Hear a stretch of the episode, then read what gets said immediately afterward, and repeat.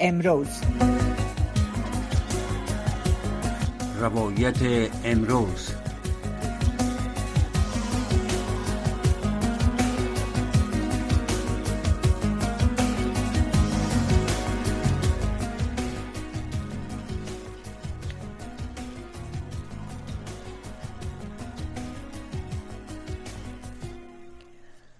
شنونده عزیز رادیو آشنا صدای امریکا سلام و وقتتان بخیر. امیدوارم در هر کجایی که هستین صحت و سلامت باشین و شنونده و بیننده ما و روایت امروز برنامه روایت امروز از امواج رادیو آشنا صدای امریکا باشین.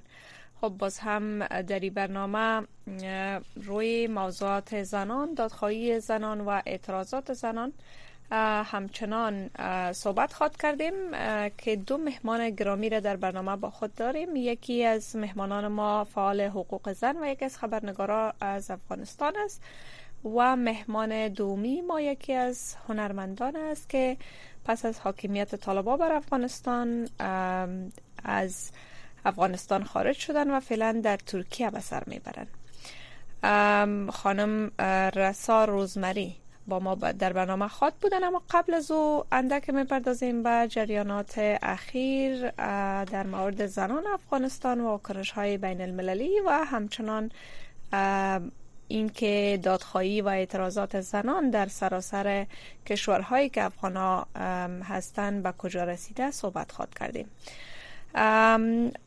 البته امروز دهم مارچ می باشه و دو روز قبل هشتم مارچ یا روز همبستگی زنان در افغانستان در حال برگزار شد که زنان افغان دومین سال است که هشت مارچ یا روز همبستگی زنان را در تحت شرایط بد و محدودیت های زیادی که از جانب حکومت طالبان برشان وضع شده اینا تجلیل می‌کنن و در این دو سال تجلیلشان همیشه به شکل اعتراضی و یا شکایت گونه از جامعه جهانی و حکومت طالبان بوده است.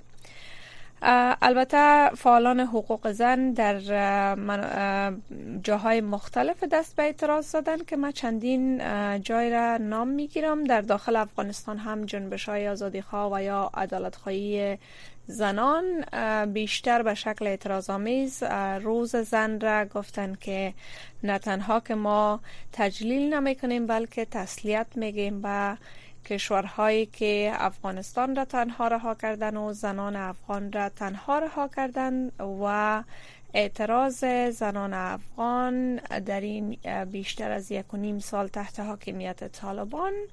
در حقیقت نتیجه نه چندان ملموس داشته است. در همین حال فعالان حقوق زن در نیویورک همچنان خواستار فشار بیشتر بین المللی بر طالبان شدند و همچنان در از سوی دیگر نامه جنبش های زنان معترض به جهان گفتند که طالبان را به رسمیت نشناسید و در کنار ما بیستید. همچنان به همین منوال هم ملل متحد گفته اگر به زنان افغان اجازه کار داده نشود کمک های نقدی به افغانستان کاهش پیدا می‌کنه و از سوی دیگر من دختران از تحصیل افغانستان را با کمبود کادرهای تحصیلی مواجه ساخته است.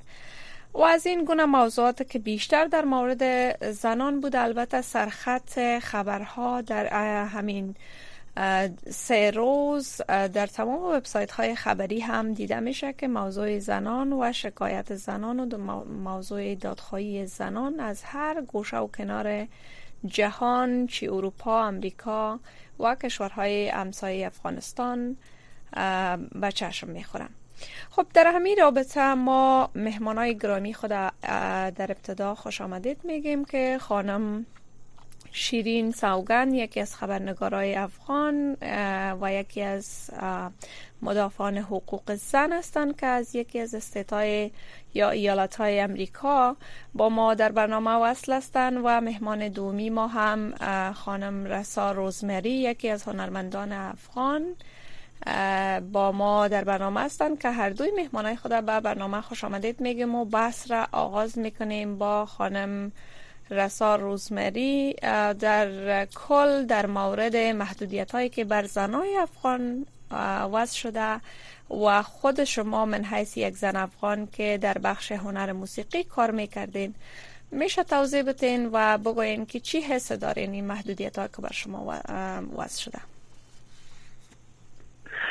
من هم سلام عرض می‌کنم به شما و به شنونده های برنامه شما. رسول روزماری هستم.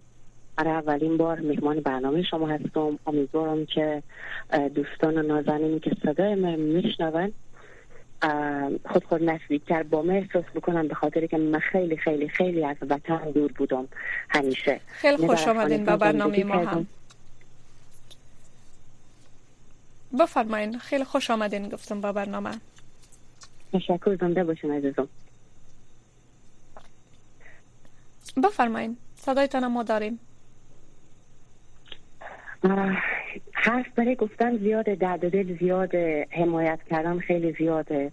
در کلام هر چقدر ما بخوایم بگیم کمه برای حمایت از زنهای افغانستان برای حمایت از فرشته هایی که در افغانستان متولد شدن جنگیدن درخشیدن و همیشه سعی کردن که فرزندان قهرمان قیور و مدافع تحویل جامعه افغانستان بودن و متاسفانه همیشه با پلن هایی که پشت پرده بوده و انجام شده برنامه های فرشته های کشور ما مادرای وطن ما با شکست مواجه شده و با شکست روبرو شده. من سیاست افغانستان چیزی نمی‌دونم. من از هنر افغانستان بیشتر می‌دونم. من از موزیک افغانستان بیشتر می‌دونم و موزیک زبان نداره. هنر زبان نداره لحجه نداره. فقط هنر هست هنر. وقتی که من وارد افغانستان شدم در اولین بار پا به افغانستان گذاشتم در سال 2018 در کشوری که در اون متولد نشدم در کشوری که تا سال 2018 من تا یک لیوان آب و کشور نخورده بودم. ولی یک چیزی در وجود من مر از او کشور می‌دونست و مر به سمت او کشور می‌کشید همیشه. اولین بار که اونجا رفتم چیزهایی که دیدم برای من با چیزی که شنیده بودم راجع به افغانستان کاملا متفاوت بود. ما وقتی وارد افغانستان شدم آماده بودم که به من توهین بشه آماده بودم که به من پرخاشگری بشه آماده بودم که هر نوع چیزی ببینم. ولی با برعکس من مواجه شدم. محبت دیدم عشق دیدم زنای جنگجو دیدم. زنای دیدم که هم به خونه کار می‌کردن هم به خیابون کار می‌کردن هم دست فروشی می‌کردن هم مادر بودن هم کودک به پهلوی بسته کرده بود هم پدر خانواده بودن و دیشتن نون پیدا می‌کردن. چیزهایی که من دیدم برای اولین بار به چشم می‌دیدم. و فقط شنیده بودم یک سری چیزها. اونجی بود که من عاشق افغانستان شدم. عاشق زنهای افغانستان شدم. عاشق این سخت کوشی اینا شدم. عاشق ای شدم که هیچ وقت عقب نشینی نمی کنند خسته نمیشن هم مادرن هم پیرن. هم جنگجوی جبهی هن هم نوناور خانوادی هن. برای من هم جالب بود هم دردناک بود. وقتی که با موتر با ماشین ای طرف و طرف می‌رفتیم برای دیدن برای خرید برای یک چیز تهیه بکنه تفلک هایی که به سمت ماشین میدویدن که از ما تقاضای پول کنن او چهره های معصوم اینا او, او چهره که سعی می‌کردن بخندن تو بخندونن تا یک پولی به دست من بدی برای یک لقمه نون. ولی در قلب اینا غم موج می‌زد. در چشما اینا افسردگی موج می‌زد. حتی مادرکایی که در کنار خیابان استاده بودن و دست فروشی می‌کردن اینا برای من برای یک هنرمند خوشایند نبود. اصلا برای من خوشایند نبود و, و نمی‌تونستم برای همه اینا کمک کنم. نمی‌تونستم کار به اینا بکنم. تنها کاری که از دستم برمی آمد این بود بلا فاصله که به هتل خود برمیگشتم به اتاق خود برمیگشتم فقط می نوشتم چون من قبل از اینکه خواننده باشم یک شاعر بودم و هستم. فقط می نوشتم سعی می‌کردم بلا فاصله بعد از نوشتنم او, شعرم یک آهنگ بشه و او آهنگم یک صدای باشه صدای زن افغان باشه صدای کودک افغان باشه. این تنها کاری بود که از دستم بر می آمد و بر می از, از, از دید یک هنرمند. کاری بیشتر از این من نمی‌تونستم و نمی‌تونم برای افغانستان بکنم. فقط همیشه سعی کردم صدای زن افغان باشم صدای دختر افغان باشم. همیشه به هر نحوی به هر جایی که شده چه در سوشیال میدیا چه در مهمانی ها چه در گرده همی ها همیشه سعی کردم فقط حرف دل زن افغان بزنم همیشه حمایت کننده باشم. شکر از احساستان و از اینکه در مورد افغانستان و زنان افغانستان احساستان را بیان کردین. خوب از خانم شیرین سوگند میشنویم. شما می سفر ای که از افغانستان با همگی شاید هستیم که در چی وضعیت مردم افغانستان و دختران و زنان افغانستان پس از حاکم شدن طالبان بر افغانستان چگونه و با چی وضعیت و با چی حس افغانستان را ترک کردن.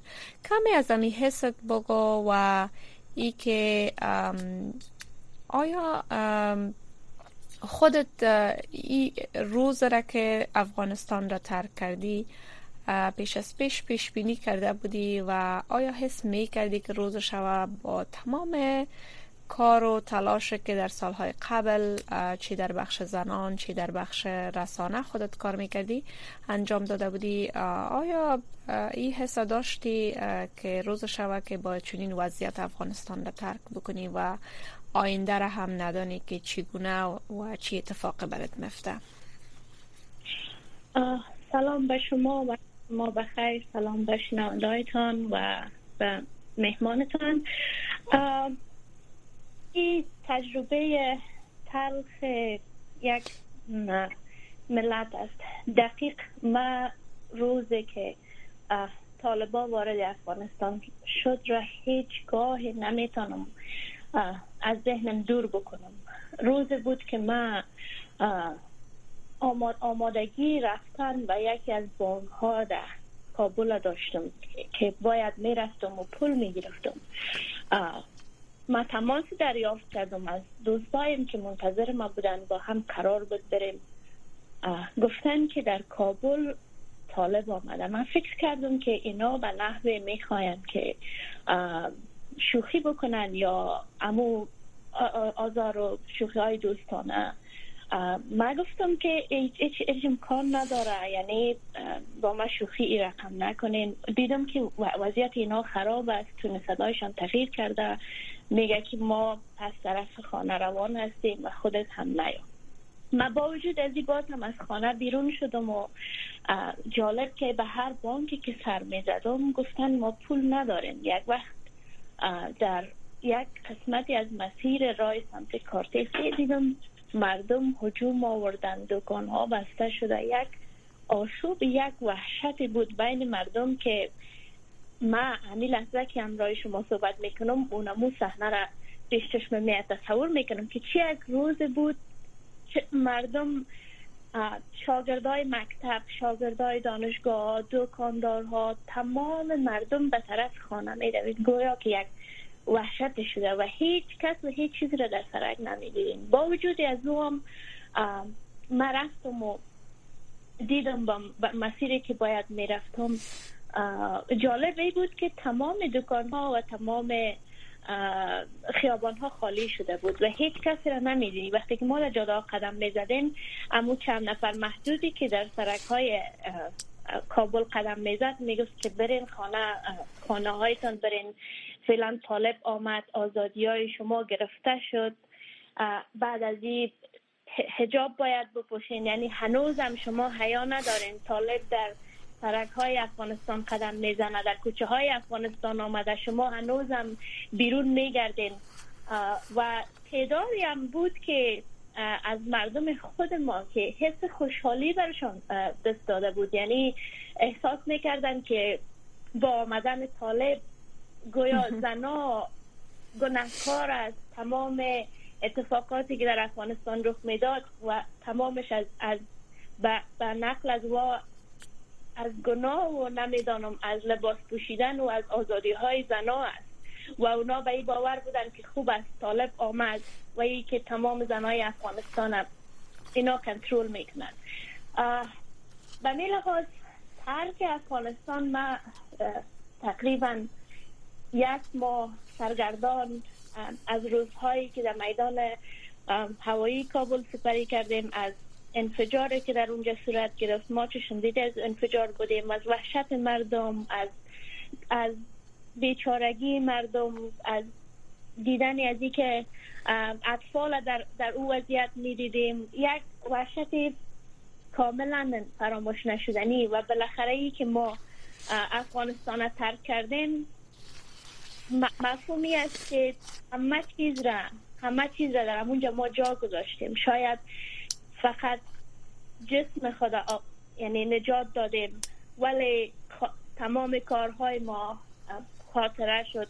فامیل اکثریت مردم جامان کشور ما ترک کردیم. یعنی یک انسان چقدر می‌تونه چقدر می‌تونه از خود شجاعت به خرج بسه یا چقدر مجبور شوه که بتونه مملکت خود ترک کنه و با, با یک چمدان رای یک کشور دیگه شوه و این طبعا که مشکل ترین کار در زندگی است. و وقتی که میایی در یک کشور دیگه زندگی کردن بر ساده نیست. ای, ای برای تمام کسایی که از بله. افغانستان و هر کشور دیگه بیرون شده واضح است که سازگاری با یک محیط نو با فرهنگ نو به دور از فامیل به دور از خاطرات کشورت به دور از فرهنگت کار ساده ای نیست ولی یک حالتی است که تو بین بعد و بدتر یعنی مجبور هستی یک رو انتخاب بکنی. بر من امی اتفاق افتاده ولی ما روح ما و, و احساس ما و تمام چیز ما تمام خاطرات ما با, با مملکت ما هیچ وقتی نمی‌تونم فراموش کنم. نه در مورد زنای افغانستان نه در مورد مملکت خودم و نه در مورد او روزی که ما افغانستان را ترک کردم. بله. خب یکی از محدودیت هایی که بر زنان افغانستان و در کل اگر بگوییم نه تنها زنان بلکه مردان و قشر بیشتر و وسیعتر در برمیگیره بخش موسیقی و هنر در افغانستان است که محدودیت برش وضع شده از سوی طالبان. قسمی که در دوره حاکمیت اول طالبان هم شنیدن موسیقی نواختن موسیقی در کل من قرار داده شد و گفتند که در اسلام جایز نیست و در شریعت جواز نداره. در نظام جمهوریت صدای موسیقی از اماکن عمومی کافی شاب ها رستوران ها و حتی موترهای شخصی که از سرک ها عبور و مرور می‌کردن شنیده می‌شد و با مردم با شور و شوق به آهنگای متفاوت گوش می‌دادند و محدودیت بالایشان نبود. اما حالا یک بار دیگر بیشتر از یک سال به قدرت رسیدن حکومت طالبان یک بار دیگر صدای موسیقی در شهرها بلند نیست. کس جرات نمی‌کنه که در ملایام موسیقی بشنوه. البته وضع محدودیت بر شنیدن موسیقی تاثیر منفی در زندگی هنرمندان، آوازخانان، نوازنده ها و اکثر کسایی که در بخش هنر فعالیت داشتن نیز گذاشتن. چی از لحاظ روانی و چه از لحاظ اقتصادی که بیشترش منبع درآمدشان از همین طریق هنرشان بود. سوال ما از خانم رسا روزمری است که چی فکر می‌کنین؟ آیا آیندی موسیقی افغانستان چگونه می‌بینین در افغانستان؟ هنر موسیقی دیگر هیچگاه بلند نخواهد شد با اینکه شورای جهانی, جهانی موسیقی با محکوم کردن ممنوعیت موسیقی از سوی طالبا گفته که این کار نسل کشی نابودسازی فرهنگی و موسیقی افغانستان دانسته میشه. ولی باز هم سخنگوی طالبان میگن که در دین اسلام موسیقی جواز ندارد چی مرد چی زن و نواختن و سرودن همه ناجایز است. چی فکر می‌کنی یک کشور اگر موسیقی نداشته باشه کلتور و فرهنگ یک کشور با موسیقی و از این گونه موارد که مربوط به فرهنگ یک کشور میشه شناخته میشه در بیرون از مرزها آیا واقعا افغانستان دیگر موسیقی هنرمند نخواهد داشت در آینده؟ متاسفانه چون طالبان فکر می‌کنن که موسیقی یعنی شهوت موسیقی یعنی حوسرانی موسیقی و میوزیک یعنی فراتر از دین اسلام رفتن. در صورتی که قرآنی که خودنا می‌خوانند و میشنوند در او قرآن موسیقی هست. در او قرآن ریتم هست. اگر اونا عقل داشته باشن اگر فهم داشته باشن همون نوای قرآنی که خود دارن می‌گذارن و گوش می‌کنن که سالیان و سالهای قرنها بوده قبل از تولد ماها بوده اون خودی و در اون موسیق هست موزیک هست یک آلت موسیقی در او هست. ولی همون هست که اونا point اینا و مطلب اونا فقط موسیقی و موزیک نیه. اونا موین مردم را از احساس از احساس بو از احساس اونا چی میگن بر اینا؟ احساس را از اونا بگیرن. عاطفه ماین از مردم بگیرن. عشق ماین از مردم بگیرن. به خاطر که علم روان پزشکی هم و مردم همیشه از از سالهای سال گذشته تا روز امروز فقط پیشنهاد می‌کنم میگه موزیک گوش بکنین نه موزیک رقص و دنبالتین بو ملودی. تک به تک آلت های ساز ها همه از در علم روان پزشکی به مردم آرامش میده. به مردم انرژی پازیتیو یا احساس مثبت به فارسی چی میگن؟ یک حس خوب میده. صبح که از خواب بیدار میشین موزیک که گوش می‌کنین ملودی که گوش می‌کنین هر موزیک هر ملودی که باشه حتی صدای نی حتی صدای فلوت حتی یک نوای دلنواز و صدای آب تمام اینا میوزیکه تمام اینها ملودیه. انسان با صدای ملودی زندگی می‌کنه. صدای ملودی در صدای آب هست. در صدای چیک چیک گنجش که سر درخت هست. در, در, در بوی بهار که میای ملودی هست. point طالبایی هست که احساس زندگی را از مردم بگیرن. فقط مشکل اونا با, با رقصیدن نیه با موسیقی نیه. اونا موین احساس زندگی را از مردم افغانستان بگیرن. همون کاری که همین حال دارن می‌کنن. مردم دارن میمیرن از درون دارن میمیرن قلب اینا احساس اینا feeling اینا داره از بین میره. چیزی که من در message از مردم می‌گیرم. چیزی که من در text message که دختر خانم ها و زن که از افغانستان به من نوشته می‌کنن میگن ما اجازه نداریم زنده باشیم ما اجازه نداریم زندگی کنیم. چرا؟ به خاطر که هیچ نوع حالت موسیقی ما اجازه نداریم گوش بکنیم. ما میترسیم که در خونه خود خوب با گوشی تلفن خود خود یک music گوش بکنیم. میگه مال طالب نریزه نیایه. اگر در گوشی تلفن ما کدام ملودی و آهنگ اینا پیدا بکنن تلفن هم میشکنن مار می‌برن ایتا می‌کنن اوتا می‌کنن. point اونا فقط موسیقی نیه. point اونا کشتن احساسات مردمه. از بین بردن feeling مردمه. عشق و عشقی از دیدگاه اونا حرامه. چرا؟ به خاطر که در دین اونا باید یک دختر رو بیارن سیقه واقع بکنن. نه عشقی نه علاقه نه احساس نه ملودی نه میوزیکی نه زندگی. هیچ چیز وجود نداره. فقط مثل دور از جون اینا مثل حیوانات واری تولید مثل بکنن دین اونا در مغز مردم بچپونن و در استایل اونا در فرهنگ اونا مردم بزرگ بشن و زندگی بکنن. یک کشوری با قانون جنگل. البته دلیل طالبان هم در این مدت زمانی که بر افغانستان حاکم هستند دلیلشان بر هر محدودیت که بر زنان و دختران افغانستان وضع کردن این بوده که ما زمینه را مساعد می سازیم مطابق به شریعت اسلامی و قبل از دوران حاکم جمهوریت را گفتن که زمینه و یا مشرایط محیط ماحول برای دختران و زنان که گویا بیشتر چی در بخش آموزش و چی در بخش دیگر فعالیت های اجتماعی بوده با مردان یک جا بوده و این مطابق شریعت اسلام نیست. خب بر صورت ما از مهمان های عزیز خود می‌خوایم بپرسم که در چنین شرایط بان که کشورهای جهان و همچنان نهادهای حامی حقوق بشر و حقوق زنان در این مدت فقط بسنده کردن برای صادر کردن اعلامیه ها و توییت هایی که بیشتر جنبه عملی و یا فشار عملی تر برای بالای حکومت طالبان نداشته و طالبان هم چندان جدی نگرفتن و هر آن زمانی که اینا فشارها گویا بیشتر از سوی جامعه جهانی تاکید جامعه جهانی بیشتر شده محدودیت های تازه بر زنان وضع کردن چی در بخش تحصیلی چی در بخش کار زنان. در نهادهای دولتی و در نهادهای خصوصی بیشتر ساختن.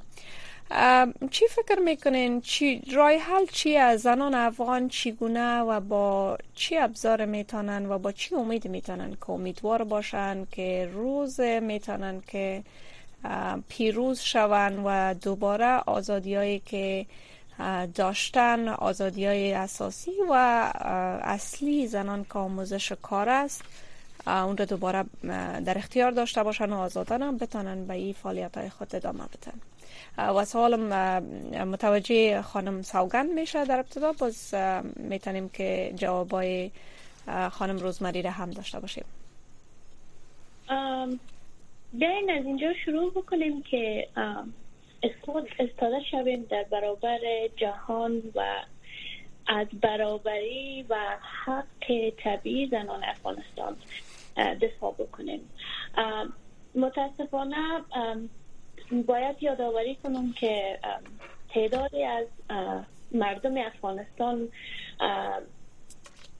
در پروسه تخلیه و به هر نوی در دیگر از کشورهای جهان زندگی می‌کنن.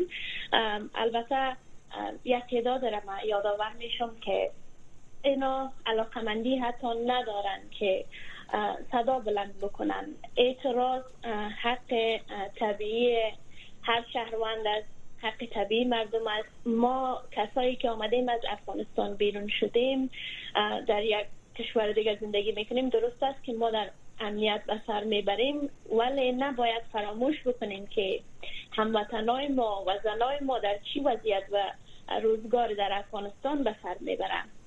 اگر در رابطه به دستاوردهای زنان افغانستان در حکومت قبلی یا جمهوریت صحبت بکنیم. جایگاه زنان افغانستان در قانون اساسی در زمان جمهوریت برابر تعریف شده بود. یعنی اینا از حق برابر برخوردار بودن. زن در جمهوریت می‌تونست وکیل باشه. می‌تونست که در عرصه تجارت و دیگر بخش ها با, با مردان هم برابر کار بکنن. اما با سکوت جمهوریت و آمدن طالبات تمام علمی دستاوردها از بین رفته. فعلا زنا حتی حق انتخاب ندارن حق آموزش ندارن حق کار ندارن. و تلخیق داستان و ماجرا اینجاست که همین همی واقعیت ها را جهان میدانه. بله. ولی تا حال واکنش جدی در این مورد نداشتن بله. خب میشه بسیار مذرت می‌خوایم که صحبت های قطع می‌کنم. یک کوتاه جواب اگر از خانم روزماری هم بشنویم چون وقت برنامه رو به اتمام است. به نظر من خواهران ما مادران ما در افغانستان نباید عقب نشینی بکنن نباید خسته باشن نباید ناامید باشن. و من دوست دارم که از افغانستان فرار نکنن.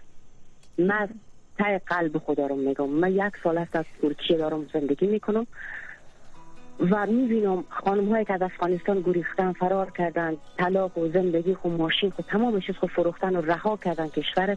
و امید آینده بهتر برای خود خو برای اولادکا خو ولی متاسفانه جان شیرین خود خو و تفلک های نازنین خود خود به دست دشمن.